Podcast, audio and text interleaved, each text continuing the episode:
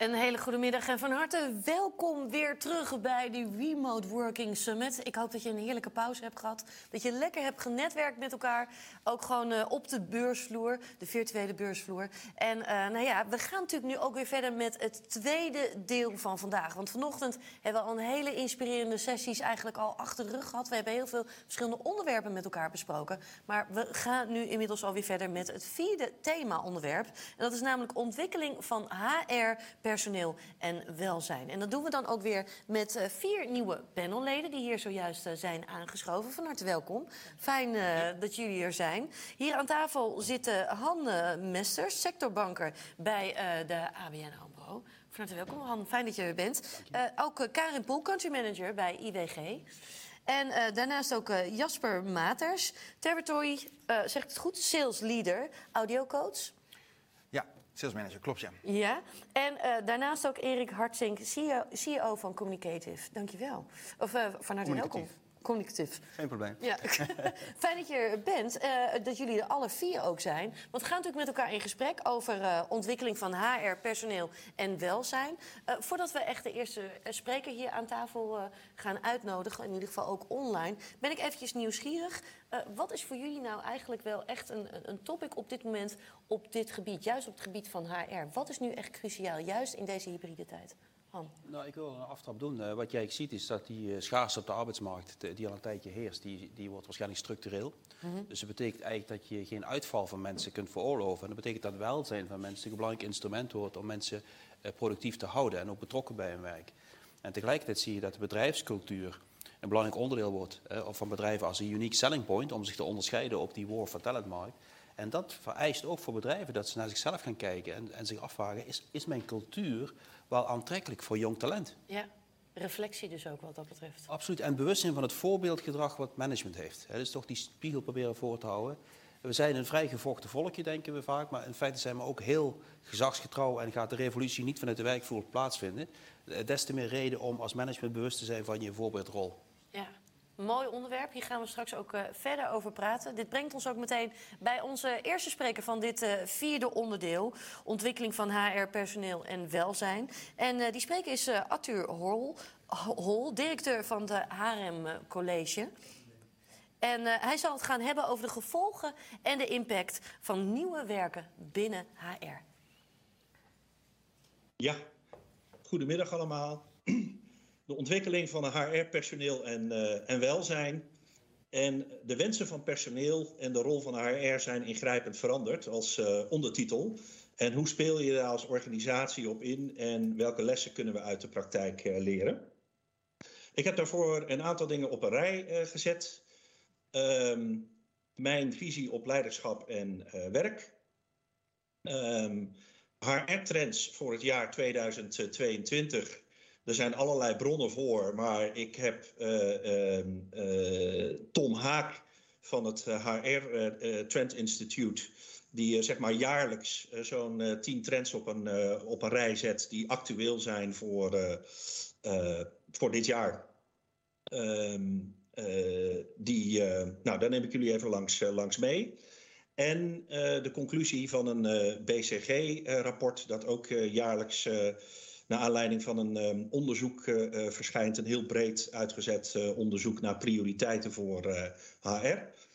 Wat tips voor HR-professionals vanuit mijn eigen visie op leiderschap en werk en die HR-trends. En mijn visie op, rol, op de rol van personeel en organisatie of HR. En dan ook toegespitst op remote working.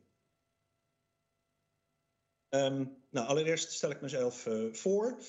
Ik uh, ben zowel advocaat als uh, arbeids- en organisatiepsycholoog. En ik werk vanuit het motto mens boven systeem.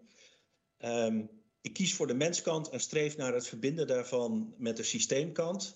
Waarbij ik me bezighoud met het vraagstuk: uh, ja, hoe hebben we ons nou te verhouden tot de wereld? Hè, ook van de regels op het gebied van bestuur, HR, toezicht en medezeggenschap. In de beweging naar meer eigen tijdsleiderschap. En ik doe dat ook vanuit een ervaring als HR-manager bij Shell en uh, KLM.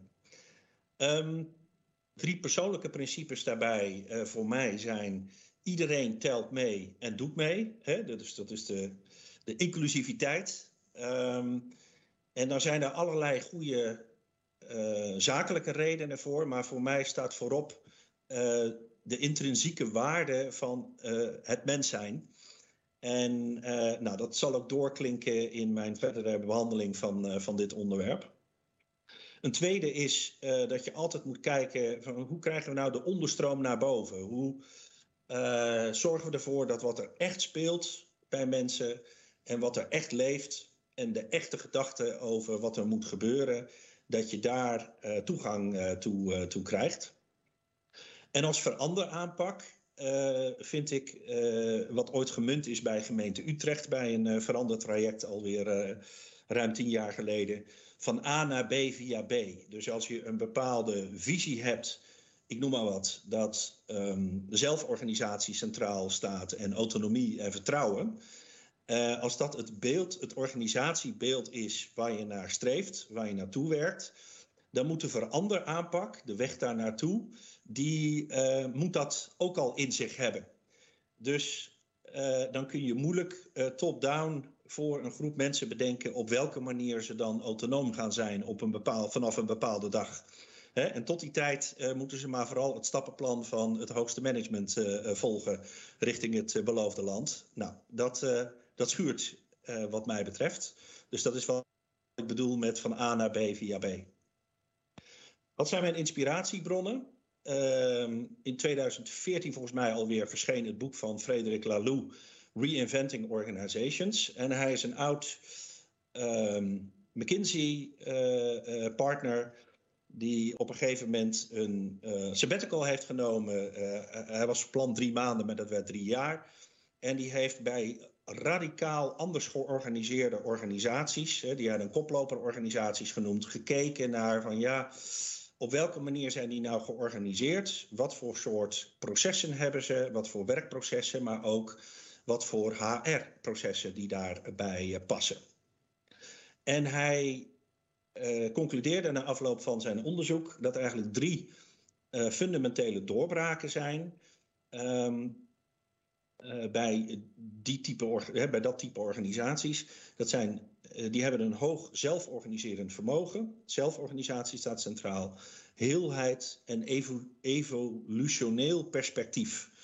Um, en uh, ik heb gezegd, nou, je kan dat het beste misschien afzetten tegen huidige noties of oude noties van leiderschap de beweging die gaat van hiërarchisch leiderschap meer, naar gedeeld leiderschap en meer autonomie van uh, medewerkers en teams.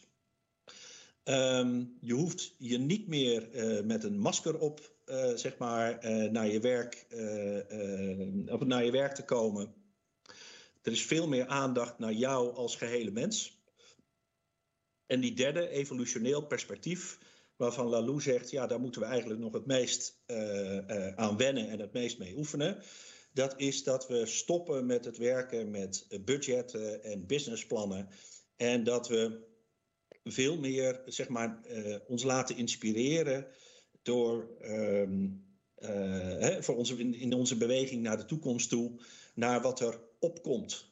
Wat er organisch opkomt wanneer je goed probeert te luisteren met z'n allen naar wat de markt zegt, maar ook wat er wereldwijd uh, wil gebeuren hè, in termen van, uh, van, uh, van Lalou.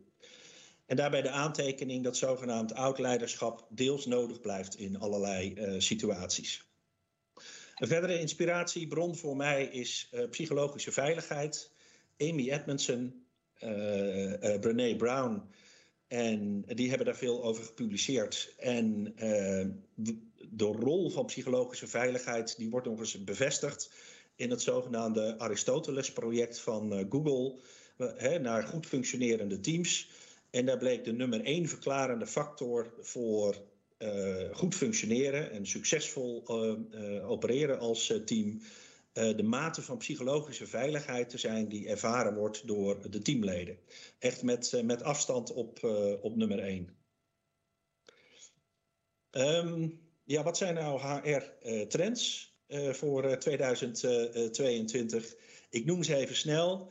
Uh, Tom Haak zegt van joh, het idee ontstaat steeds meer dat we moeten afstappen van modellen letterlijk, al te letterlijk nemen en één op één toepassen.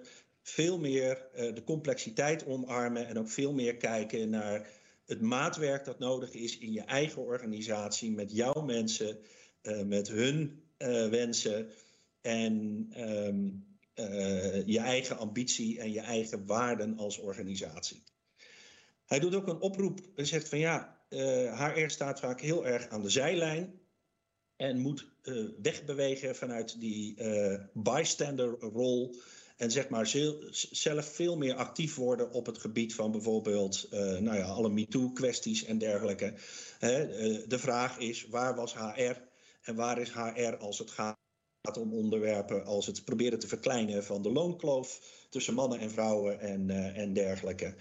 Um, dus de oproep en ziet hij als een trend voor HRM'ers om veel meer een activistische rol uh, op te pakken.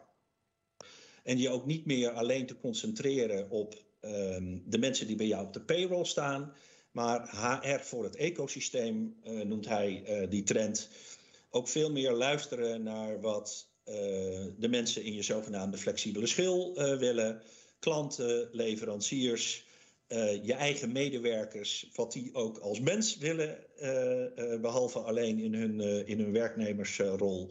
maar ook wat er breder in de maatschappij gebeurt. En maatschappelijke vraagstukken waarin organisaties hun eigen bijdrage kunnen leveren. En HR kan daar ook actiever in, in, in worden. Een vierde is het einde van de werknemers. Uh, dus we spreken wel steeds over werknemers alsof je die kunt bezitten, hè, alsof het jouw werknemers zijn. Um, nou, de trend is steeds meer van afscheid nemen van die illusie, zal ik maar zeggen. En ook de wens om mensen te bezitten. Nou, de metaverse, eh, dat is de beweging dat we steeds meer als uh, medewerkers ook ja, in een soort combinatie van online en offline uh, opereren. En ook binnen online allerlei interactieve omgevingen hebben om te opereren en te werken met avatars en dergelijke. Um, vergevingsgezinde technologieën noemt hij dat, met een mooie vertaling vanuit het, vanuit het Engels. Forgiving technologies.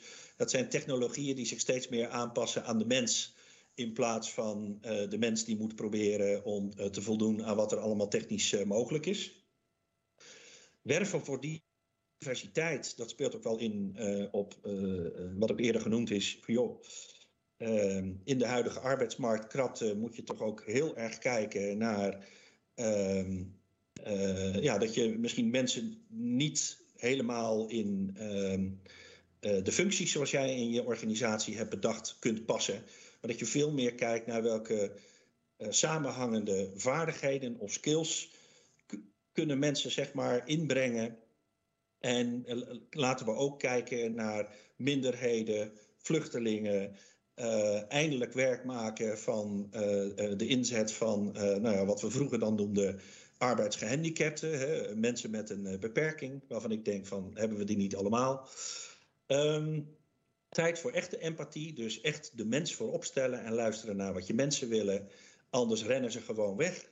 Um, uh, als trend zie je ook live coaching dat steeds meer wordt aangeboden door, uh, uh, door werkgevers. Hè, met aandacht voor heel de mens in plaats van alleen maar de werkrol die een werknemer vervult. En de splitsing van HR in HRM'ers die zich richten op meer het operationele gedeelte van HRM. Enkele HRM'ers die zich richten op het meedenken over de strategie van de organisatie en ook HRM'ers die echt helemaal alleen aan de kant van medewerkers staan om uh, hen beter te laten functioneren zonder dat de organisatieagenda daar een uh, overheersende rol uh, mag spelen. Nou, dat culmineert in um, wat de Boston Consulting Group de nummer één trend noemt op het gebied van people management practices. En dat is putting employees at the center.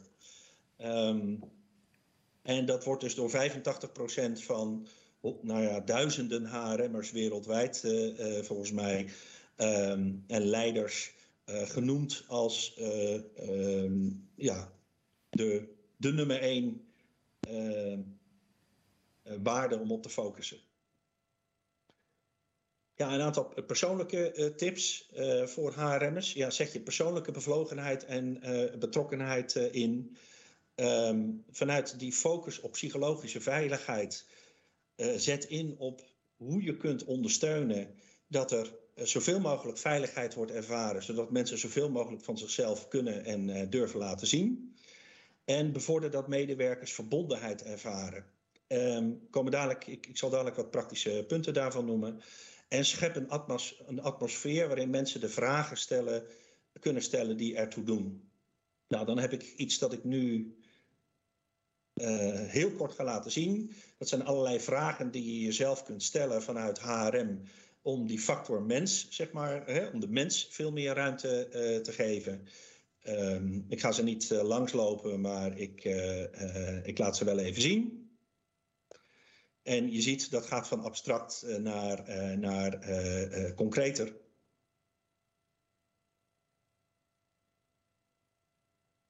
En als je dat nou toepast op remote working, um, wat levert dat dan op? Ik zeg, nou ja, mijn, um, um, ja, mijn eigen ervaring, maar dat, dat zie je ook bij die andere bullet points wel terugkomen, die is.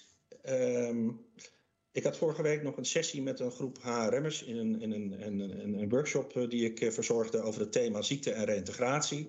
Ze zegt het is eigenlijk gek dat we vrij duidelijke regelgeving hebben dat als mensen zich ziek gemeld hebben en ze moeten reïntegreren, dan moet je heel veel maatwerk gaan bieden. Maar waarom moet je dat eigenlijk niet aan de voorkant? en waarom moet je niet aan de voorkant mensen serieus nemen in wat ze willen, wat ze kunnen en uh, wat ze waardevol vinden? Um, en als het gaat om het invoeren van uh, beleid met betrekking tot de terugkeer naar het werk, um, vraag ik me ook af van hey, als, het, als de waarden van de organisatie die centraal uh, gesteld worden, als die ingaan op vertrouwen en uh, als die vertrouwen en autonomie behelzen, dan is het wel bijzonder dat er dan zeg maar top-down weer bedacht wordt uh, dat mensen twee dagen in de week weer naar het eh, werk moeten. Of dat de ene helft van de mensen dat uh, de ene helft van de week doet en de andere helft de andere. Ik, ik kom de gekste dingen in de praktijk tegen. En wat ik me dan afvraag is van, ja, waarom heb je niet, hè, wat ik hier bij tip 1 uh, noem, waarom vertrouw je er niet op dat als een team, misschien goed begeleid, daar zelf een ei over mag leggen. En als teams onderling vervolgens in de organisatie mogen bepalen welke organisatiebrede kaders misschien uh, moeten gelden, dan hoef je dat niet van bovenaf op te leggen. Uh, want dat staat zo haaks op wat in veel organisaties nou net uh, als beweging was ingezet. Althans, waar vaak in ieder geval lippendienst aan bewezen is. En je valt zo snel door de mand als je dat, als je dat niet doet. Een van de deelnemers in die, in die workshop met een juridische achtergrond en die zei ja, bijna met een verongelijkte stem. Uh, jeetje, uh, mensen hebben geroken aan de vrijheid en ze willen die vrijheid houden. Hè? Wat flikken ze ons nou? Ze willen gewoon meer vrijheid. Dat was niet de bedoeling. Nou, ze zag uh, toen dat teruggespiegeld was, zag ze zelf ook wel in dat daar iets, ehm, iets bijzonders aan was, aan die opmerking. Um, weet je, laat mensen zelf bepalen wat nodig is in hun team en tussen teams. En dan komt vanzelf ook wel op dat je rekening hebt te houden met collega's, hè, vaak jongeren, die nog thuis moeten raken in hun beroep, in hun rol. Uh, dat je mensen hebt met lage en hoge contactbehoeften, hè, deels als gevolg van persoonskenmerken of um, nou, de mensen die in een uh, het, traject zitten. Hè, misschien moet je wat meer je best doen om naar um, uh, de stem van de minderheid te luisteren. Nou, dit zijn zo van die praktische uh, punten die volgens mij van belang zijn bij dit, uh, dit, uh, dit, dit onderwerp. En HRM moet volgens mij veel meer zelf een visie ontwikkelen en verdedigen richting het, management. En ook kijken, ja, we leven, veel organisaties hebben voor een belangrijk gedeelte van hun personeel te maken met behoorlijke arbeidskrachten, die alleen maar sterker wordt, hè, structureel is. Um, ja, je kan natuurlijk proberen een, een, een, heel streng remote working beleid te hebben, waarin je jouw, jouw mening oplegt. Maar ja, wat doet dat met de propositie richting kandidaten? Hè? Ehm, eh, je prijst jezelf misschien toch wel een beetje uit, uit de markt. Um, en focus je als HR op wat ik noem bij de laatste bullet point human-centric design. Hè, zet de mens centraal. Dat kan overigens onder omstandigheden inhouden dat je er met z'n allen voor kiest, of in ieder geval dat dat uit een soort democratisch proces komt, dat je toch wat meer op kantoor werkt of op een locatie. Hè. Misschien uh, als je actief bent in de creatieve sector dan uh, wil je toch graag allerlei mensen snel bij elkaar hebben om een creatief proces op te brengen. Nou, daar zijn misschien allemaal mooie alternatieven voor om dat ook online uh, te bewerkstelligen. Maar laat dat alsjeblieft aan de mensen uh, zelf. Zorg er wel voor dat ze zoveel mogelijk over alle informatie beschikken die hen kan helpen om met elkaar het goede gesprek te voeren over uh, welke vorm van remote werken het beste bij, bij hen past.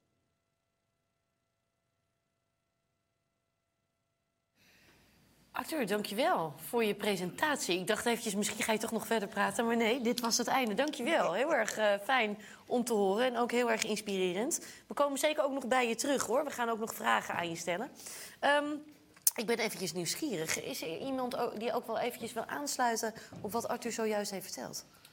Wat ik heel interessant vind is uh, ogenblikkelijk de parallel die je kan trekken buiten de HR, namelijk in de zakelijke wereld in zijn algemeenheid. -huh. Waar ook de trend op dit moment is dat iemand centraal wordt gesteld, en dat is in dit geval de klant. Alles draait om customer contact uh, op dit moment. En zijn werknemers niet eigenlijk anders dan gewoon interne klanten. Dus eigenlijk zo vreemd is het niet. Dat alle trends die kant op wijzen. Vond ik ja. een heel interessante. Ja, mooi. Mooie, mooie brug die je daar ook in bouwt. Iemand anders nog misschien die ook wel mooi wil aansluiten op wat Arthur heeft verteld? Nou, wat mij opvalt, uh, en dat is voornamelijk als ik dan vanuit de positie kijk waarin ik zit. Ik, kijk naar de twee werelden.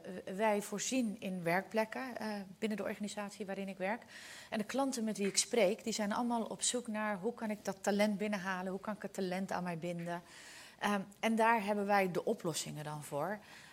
door werkplekken aan te bieden die echt leuk zijn, uh, inspirerend zijn. En dat spreekt enorm aan. En dat komt ook omdat ze zich richten op een groep mensen, de jonge mensen, de War of Talent, de jonge War of Talent, die dus niet naar een saai kantoor willen komen, maar die naar een inspirerende omgeving willen komen. Maar als werkgever daartegen zit ik zelf in een situatie waarbij wij de mensen niet thuis kunnen laten werken. Dat is net als in de retail. In een winkel kan je niet je verkoopster thuis laten werken. En in een business center kan je je receptionisten niet thuis laten werken. Dus aan de ene kant herken ik heel veel van wat er gezegd wordt en denk van ja, dat gebruiken wij ook in onze gesprekken als we praten over kantoren en onze klanten. Maar zelf hebben wij een enorme struggle op dit moment, ook om het personeel binnen te halen, maar ook echt te boeien en bij ons te houden. Want ze moeten echt elke dag naar kantoor komen ja. bij ons. Ja. Want daar is het werk. En dat vind ik een hele moeilijk op dit moment. Ja, ik kan me voorstellen. Ja, ja, dat is wel een dilemma inderdaad. Hoe krijg je dat goed voor elkaar? Ja. Hoe pakken jullie dat zelf aan? Nou, het ging eigenlijk een hele periode heel goed. Uh, alleen de laatste paar maanden merken wij nu toch wel dat uh, de markt zo enorm booming is voor leuke banen. En ik ben er eigenlijk ook wel trots op hoor. Want de mensen die bij ons achter de receptie zitten, die hebben niet alleen geleerd de telefoon op te nemen, goedemorgen te zeggen, maar ook een hele administratie eromheen te runnen van een business center. En die krijgen echt waanzinnig leuke banen op dit moment aangeboden. Dus wij hebben nu al onze focus op de recruitment gezet. We zijn echt met allerlei nieuwe initiatieven bezig om het recruitmentproces te verbeteren, te versnellen, leuker te maken. We krijgen zelfs een professioneel camerateam deze week binnengevlogen. -huh. Dan gaan we een mooie campagne maken voor de social media om die mensen maar aan ons te binden. Uh, alleen als je ze eenmaal binnen hebt, dan moet je ze ook binnen zien te houden. En we hebben het er net al heel even over gehad, Erik en ik. We zitten ook met het vraagstuk salaris. Uh, doordat de markt nu zo uit evenwicht is, weten de mensen nu gewoon dat ze veel hoger salaris kunnen vragen. Ja. Maar wat doe ik dan met die overige 350 die er al werken? Een rare paradox. Hè? Dat, ze, ze, weten dat ze meer salaris moeten vragen, ter, terwijl de jongere generatie aangeeft dat salaris steeds minder belangrijk voor ze is. Ja. ja.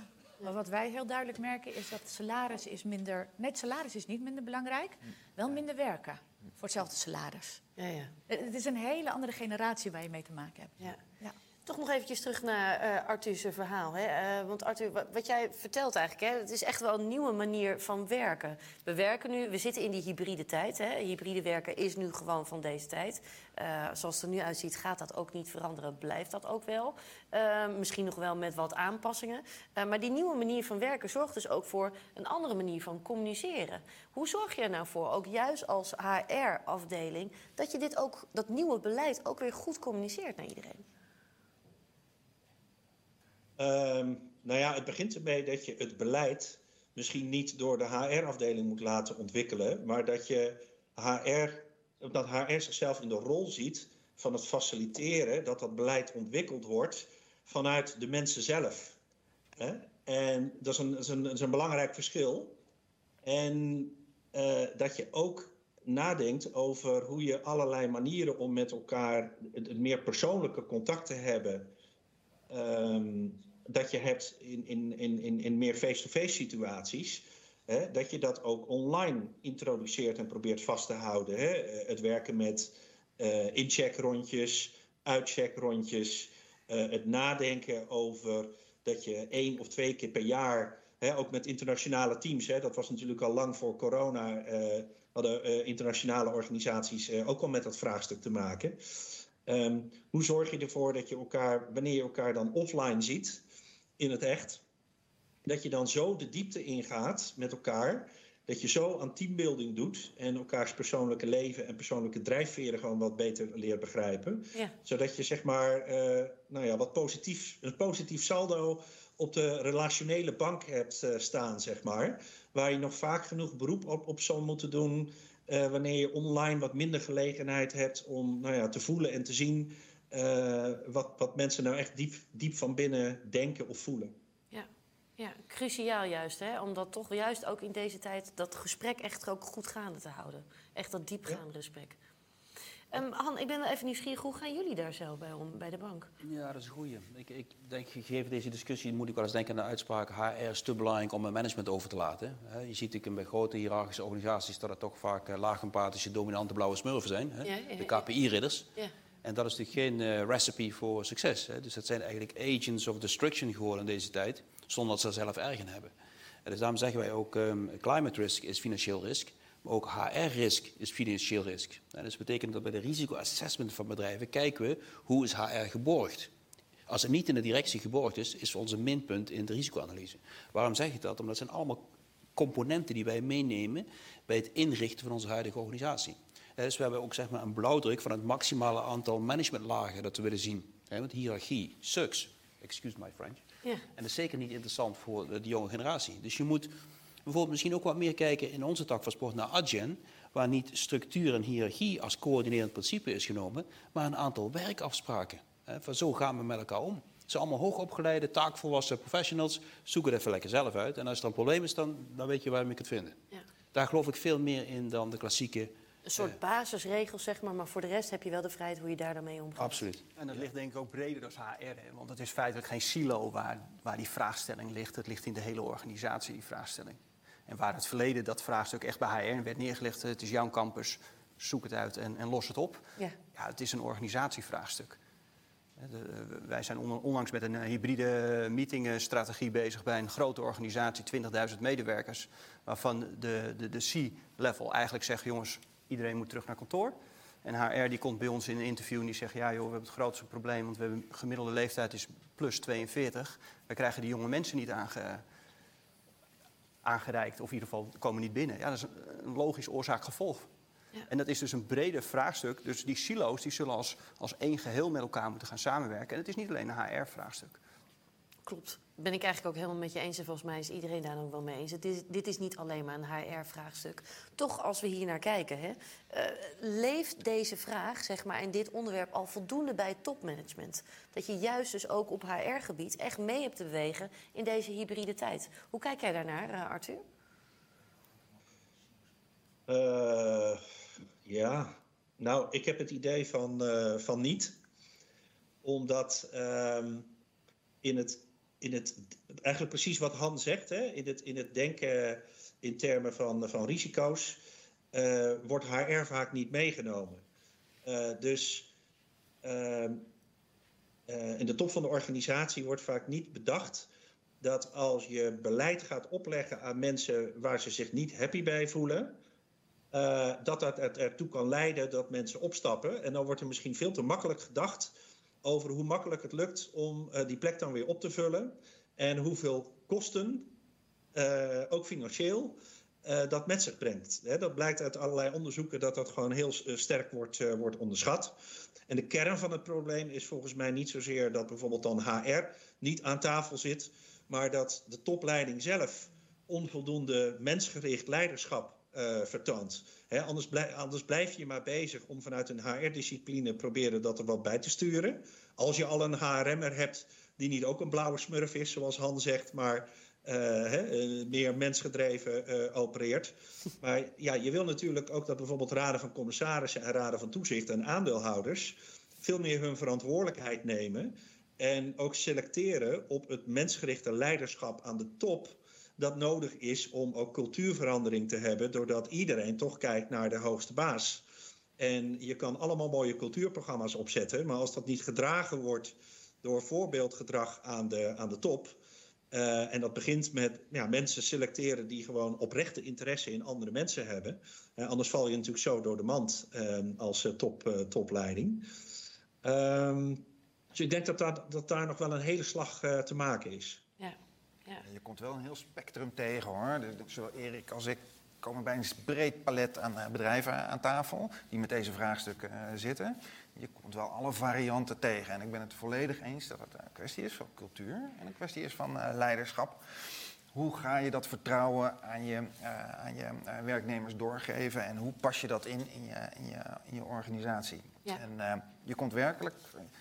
Ik kan niet van tevoren inschatten bij gerenommeerde bedrijven kom ik de kom ik echt rare situaties tegen. Bij de kleinste bedrijven zijn ze het meest vooruitstrevend en omgedraaid. Ik kan absoluut niet voorspellen van tevoren eh, hoe het is. Dus het is niet iets cultureel of iets, uh, iets, uh, iets wat in een soort organisatie ligt. Het is echt een cultureel ding. Dat is echt waar. Ja. Tot een paar maanden geleden was het ook nog niet zo ongelooflijk nijpend op de, op de markt. En ik denk, wanneer je dan kijkt naar een grote organisatie... waar de top dus eigenlijk ver weg staat van de, van de werkvloer... die verzonnen de procedures wel. En die gingen ervan uit dat de, het middelmanagement dan het aandacht geeft aan de mensen op de werkvloer, wat natuurlijk ook gebeurde. Uh, maar nu komen ze tot de conclusie dat het vervangen van die mensen die op dat moment niet mee wilden, niet meer lukt. Ja. En dat was, nou laten we het hebben over vier, vijf maanden geleden. Toen lukte het nog wel. Maar we komen nu echt in een situatie dat, nou, zeker in grote organisaties, en daar zijn wij er dan ook een voorbeeld van, dat het senior management nu ook wakker is geworden. En van oké, okay, de, de, de, markt is daadwerkelijk aan het veranderen. En we zullen hier anders mee om moeten gaan. Want ook dat middelmanagement houdt het niet droog meer. Ja, dat is het. En, en we hebben het vanochtend ook over silo-structuren gehad. En je ziet dus ook, als je daar heel krampachtig aan vast blijft houden... dan werkt het dus ook alleen maar averechts. Ja. We hebben daar dus ook op dat gebied anders te denken. Ja. We hebben echt een andere cultuur te creëren met elkaar. Ja. Als ik dat dan ook toch aan jullie vraag, hè, waar zou je echt moeten beginnen? Wat zijn de eerste stappen als je hier tegenaan loopt als bedrijf? Waar begin je? Jasper. Ja, even het antwoord. maar niet. Ja, dat is een hele ingewikkelde vraag. Ja. Um, en, en, mijn ervaring komt uit mijn eigen kleine organisatie en de grotere organisaties waar we mee spreken. Uh, het heeft te maken van, met hoe je je doelstellingen formuleert in je bedrijf en hoe je dat meet. En uh, als je die processen onder controle hebt, kun je kijken of de, je, je, personeel daar de juiste bijdrage aan levert. Als je dat op een goede manier doet, dan zijn dingen als aanwezigheid of, uh, of, of tijd doorgebracht met je team of met je, met je, met je leiderschapsteam, is, is volledig irrelevant. Ehm, we hebben binnen onze organisatie bijdragers die we nooit zien, maar die wel enorme bijdrages leveren. En in de hoek van programmeurs uh, zit je dan uh, te denken. Die zitten in een donkere kamer gewoon uh, een paar dagen lang te werken en leveren iets op. Um, dat kan. En in andere hoeken, commerciële hoek of HR-hoek, is dat weer, is dat weer um, compleet anders. Maar hoe je je werknemers um, kan meten hoe ze een bijdrage leveren aan de bedrijfsdoelen, dat, is, dat is het allerbelangrijkste. Ja ik heb er wel een idee nog voor, wat eraan vooraf gaat. Hè. Kijk, wat je ziet, als Arthur inderdaad gelijk heeft van die medewerker staat centraal, wat betekent dat dan? En ik, ik heb het vorig dat ik best wel veel voor Defensie mag doen. En wat leren is officieren bij Defensie, rank is a responsibility, not a privilege. En bij grote bedrijven is het allemaal streepje erbij, grote leaseauto, grote ladebak, hoogpolig tapijt. Gaat er helemaal nergens over. Maar als je dat in je cultuur laat zitten, is het klaar. Ja. Ja. Dus allemaal naar koers gaan, eh, patrouille lopen, 20 man en hopen dat je leven eruit komt. Ja, ja. Arthur, wat zou jij nog als tip meegeven, zeg maar, tot slot? Je hebt natuurlijk al heel veel dingen meegedeeld, of eh, gedeeld met ons. Eh, maar wat zou jij nog wel als tip nog extra mee willen geven voor mensen die nu zitten te luisteren en die hier juist ook echt tegenaan lopen? Ja, wat misschien houvast kan, eh, kan bieden, is dat je bedenkt welke waarden hangen wij aan? Wat vinden we echt belangrijk als, als, als, als waarden als het gaat om personeelsmanagement? En dat je die ook centraal stelt bij dit onderwerp. Hè? Hoe ga je om met eh, eh, remote werk? En ik gaf er net al aan, ja, het begint gewoon met mensgericht leiderschap aan de top. Want als dat er niet is, dan, ehm, ja, weet je, dan heeft alles wat je daaronder doet, dat heeft misschien wel zin. Maar ehm, heel veel minder zin dan het zou kunnen hebben als eh, dat mensgerichte leiderschap echt vanuit de top van de organisatie, ehm, nou, dat het daar goed zit. En dat is een verantwoordelijkheid eh, van ehm, aandeelhouders en, en raden van commissarissen en raden van toezicht in hun werkgeversrol. Ja. Luister naar wat mensen zelf aangeven in de, in de organisatie belangrijk te vinden. Luister naar mensen, dat, dat is denk ik het belangrijkste. Ja, luister naar En, en, en, zet ze zelf aan zet.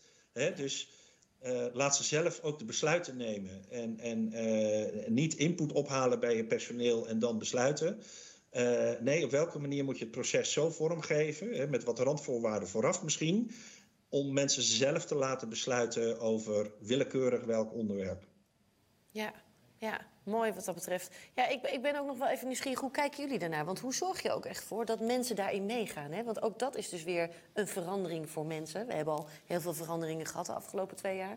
Maar dat ze dus zelf ook die verantwoordelijkheid durven te nemen. Hoe, hoe pak je dat aan intern? Hoe doe je Wij dat? zien in ieder geval bij ons dat, eh, en dat is mijn enige referentiekader die ik natuurlijk zelf kan gebruiken, Ja. is dat een veilige werksfeer daar een hele belangrijke is. Hè. Kijk, mensen moeten eerst over die drempel heen kunnen stappen. Mag ik überhaupt wel uitspreken wat ik denk? Eh, we zijn toch een beetje, en zeker de oudere generatie, is opgegroeid met eh, niet, eh, niet poetsen, maar, hè, of niet lullen, maar poetsen. Eh, als je in die, in die gedachtegoed zit, dan moet je mensen eerst naar die, dat sociale vraagstuk brengen van hey, hoe kan ik uitspreken zonder dat ik daarop word veroordeeld. Klopt. En dat, dat, en dat, is, dat is eigenlijk al een, een weg die heel veel medewerkers moeilijk vinden. En daar moet je ze in begeleiden. Je moet ze vertrouwen. wat, je, wat, je, wat je vraagt, moet je ook geven. Dus ja, dat, het is een proces waar je ingaat. Het is ook, naar mijn inziens, niet iets wat we morgen hebben opgelost. Want cultuur, dat is normaal twee tot vijf jaar eh, zijn we ermee bezig om dat voor elkaar te krijgen. En dan moet je dan ook nog iedereen mee hebben. Voor dit soort veranderingen lijkt het me ook best heel fijn om in een wat kleinere organisatie te werken. Want dan sta je namelijk veel dichter bij de werknemers. En wanneer je in een grote organisatie zit, de corporates, Ja. dan heb je toch echt te maken met de procedures. En de procedures en de systemen. En ik merk heel duidelijk dat onze werknemers absoluut wel hun mond durven open te doen. En ik ben het ook heel vaak met ze eens. Eh, het is alleen heel moeilijk om dan de systemen te veranderen, want die worden wereldwijd gebruikt. En de processen. En dat zijn wel stappen, en, en daarom ik ben het met Arthur eens. Waar moet je beginnen met de veranderingen? In de top. Ja. Want de top moet veranderen, want dan gaan ze ook horen wat wij op de De werkvloer zeggen. discrepantie tussen de top en de werkvloer die is echt gigantisch, is nog mega. steeds. Absoluut. En dat, dat komt eigenlijk elke keer bij elk assessment die wij doen, komt dat echt naar voren. Dat, daar zit ook het grootste probleem. Helemaal als ze in het buitenland zitten. Ja. Ja? Ja, dan heb je nog cultuurverschillen. hè, Ja. Daar is wat dat betreft echt nog werk aan de winkel. Eh Arthur, ik wil jou enorm bedanken voor het delen van jouw eh, kennis en jouw eh, presentatie. Zet mensen ook weer heel erg aan het denken. En ik denk een, een hele mooie visie, ook juist voor de toekomst. En cruciaal ook. Dankjewel, graag gedaan. Dankjewel. Heel succesvol. Ja,